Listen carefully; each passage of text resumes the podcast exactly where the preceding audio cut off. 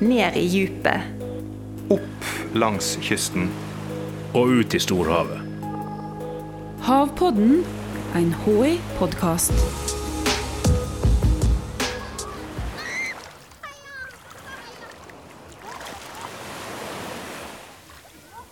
Du har kanskje sånne sommerminner fra barndommen du òg. Om sol og is og vassing i fjøra. Og alle de spennende tingene som du fant der. Kanskje havna en liten strandkrabbe oppi bøtta di. Kanskje fant du litt tang eller tare. Men i alle fall så fant du skjell. Store, små, knuste og heile. Små skatter i en liten barneneve. Så blir vi voksne. Mange av oss slutter kanskje å tenke så mye på skjell. Men ikke alle. Noen blir faktisk eksperter på skjell. Jeg heter Sissel Andersen, og jeg jobber mest med skjell. Med alle mulige innfallsvinkler, fra akvakultur til havforsuring. Og hvis en skal begynne veldig enkelt, hva er egentlig et skjell? Et skjell er veldig enkelt et dyr som er innelukket i to skallhalvdeler. Den gruppa det tilhører, heter bivalver, og det betyr rett og slett to hvelvinger. Så det, alle skjell har to halvdeler. Og da har det alt uh, bløtvev inni seg, sånn uh, organer og sånn. Og, og skjellet kan da ses på nesten som et skjelett som ligger utenpå. Og hvor er det en finner skjell her i denne verden? Overalt. Eh, langs alle kyster, nesten på alle dyp. Så jeg vil si stort sett overalt. Hvis vi reiser hjem igjen da, her i Norge, hva, hva type skjell er det vi har her? Eh, langs norskekysten så har vi faktisk opptil 200 arter med skjell. Eh, men de mest kjente for oss er jo matskjellene våre, da, sånn som blåskjell og ulike arter kamskjell, østers. Og så har vi hjerteskjell og knivskjell. Sånn det er vel det folk eh, ser mest ut av. Og hvis en skal stille et litt dumt spørsmål, men, men hvordan er et skjellliv? Livet til et skjell? Eh, I starten så er de ganske like. De starter alle som et veldig lite egg, som er mindre enn en ja, 100 000 millimeter. Altså det er 100 my, ca. i størrelse. Litt mindre enn noen. Og så vokser det ut en liten larve. Etter hvert så får den skall på seg, og så svømmer den rundt og spiser partikler. Så vokser den, og noen de fester seg og sitter fast resten av livet. Eh, mens andre de fester seg en periode og slipper seg igjen.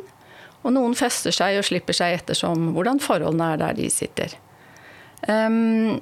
Så til slutt så blir de jo kjønnsmodne, og da slipper de eh, kjønnsproduktene, altså sperme og egg. Det slippes ut i havet hvor det befruktninga skjer der, da. Mm. Og hva, hva eter de? De eter eh, partikler i sjøvannet.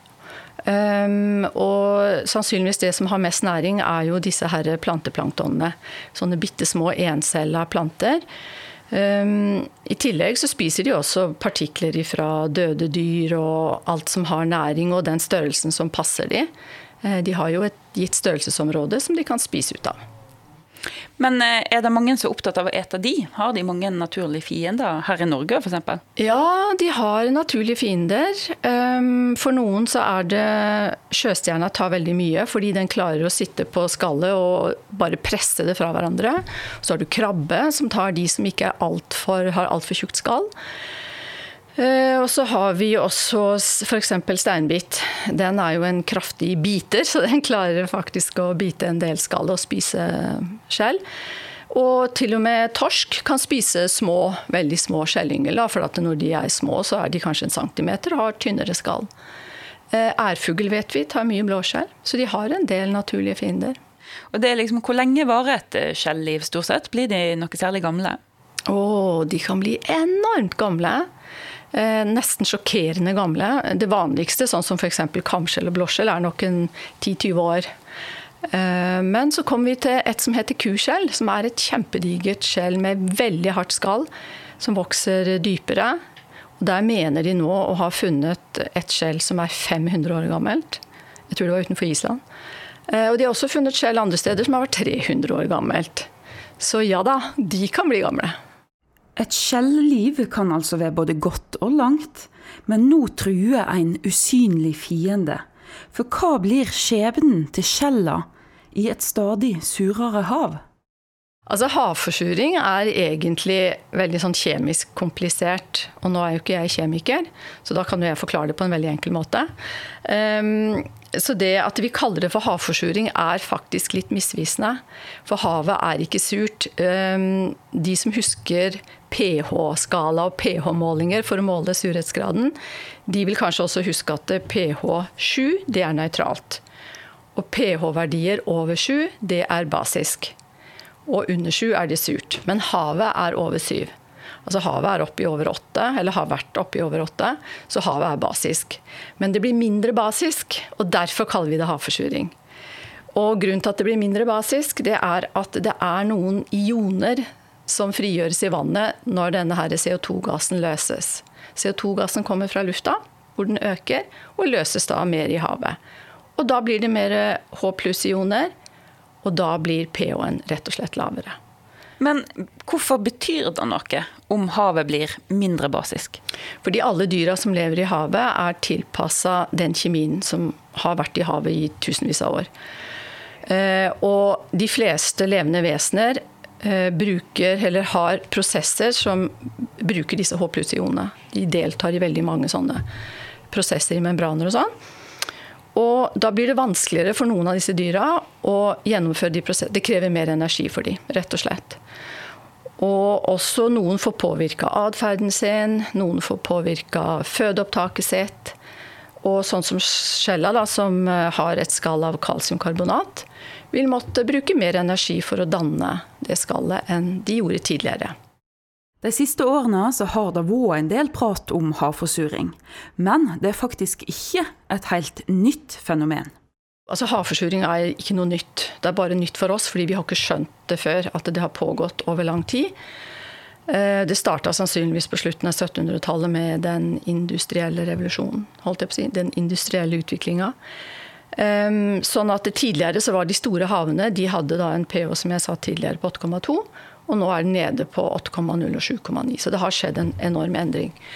Eh, og da er det sånn med eh, skjell at de har dette skallet og er ganske sensitive, trodde vi. Og det var viktig å finne ut hvilken dyregrupper dette kunne ha effekt på. fordi det kan hende at for oss vil det bety at vi må omstille oss litt. At det, kanskje ikke den fisken vi har pleid å fiske, er den vi kan fiske på i framtida osv. Og økosystemene er jo ikke avhengig av ett dyr, de er jo avhengig av kanskje 100 dyr. Så det var viktig å få en oversikt over ulike arter. Og vi kunne skjell, vi kunne holde skjell, og vi kunne forske på de, og de var veldig interessante med tanke på skalldannelse.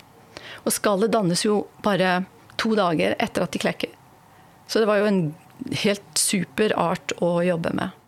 For å finne ut hvordan skjell tåler havforsuring, så tester Sissel og forskerkollegene det ut i praksis.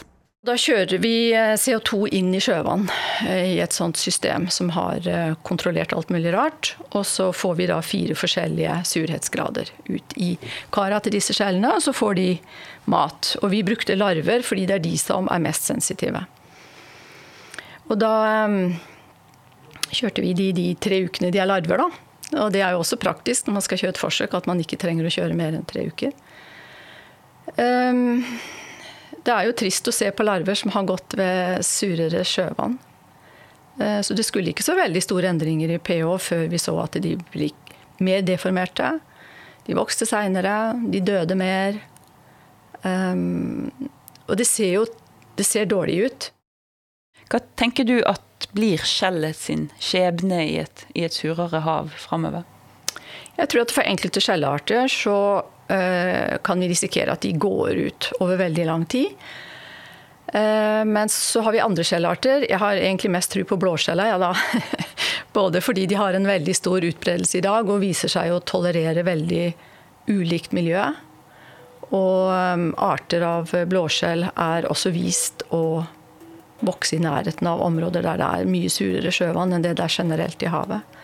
Så jeg tror de har mekanismer, og hvis mattilgangen er god og de har nok å spise, så vil de kanskje klare seg. Noen arter, men ikke alle, tror jeg.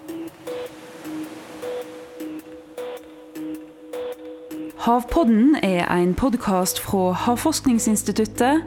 Jeg heter Stine Hommedal og jobber her. Teknisk produksjon og lyddesign var det Febril Film som sto for. Og du, du hører snart igjen.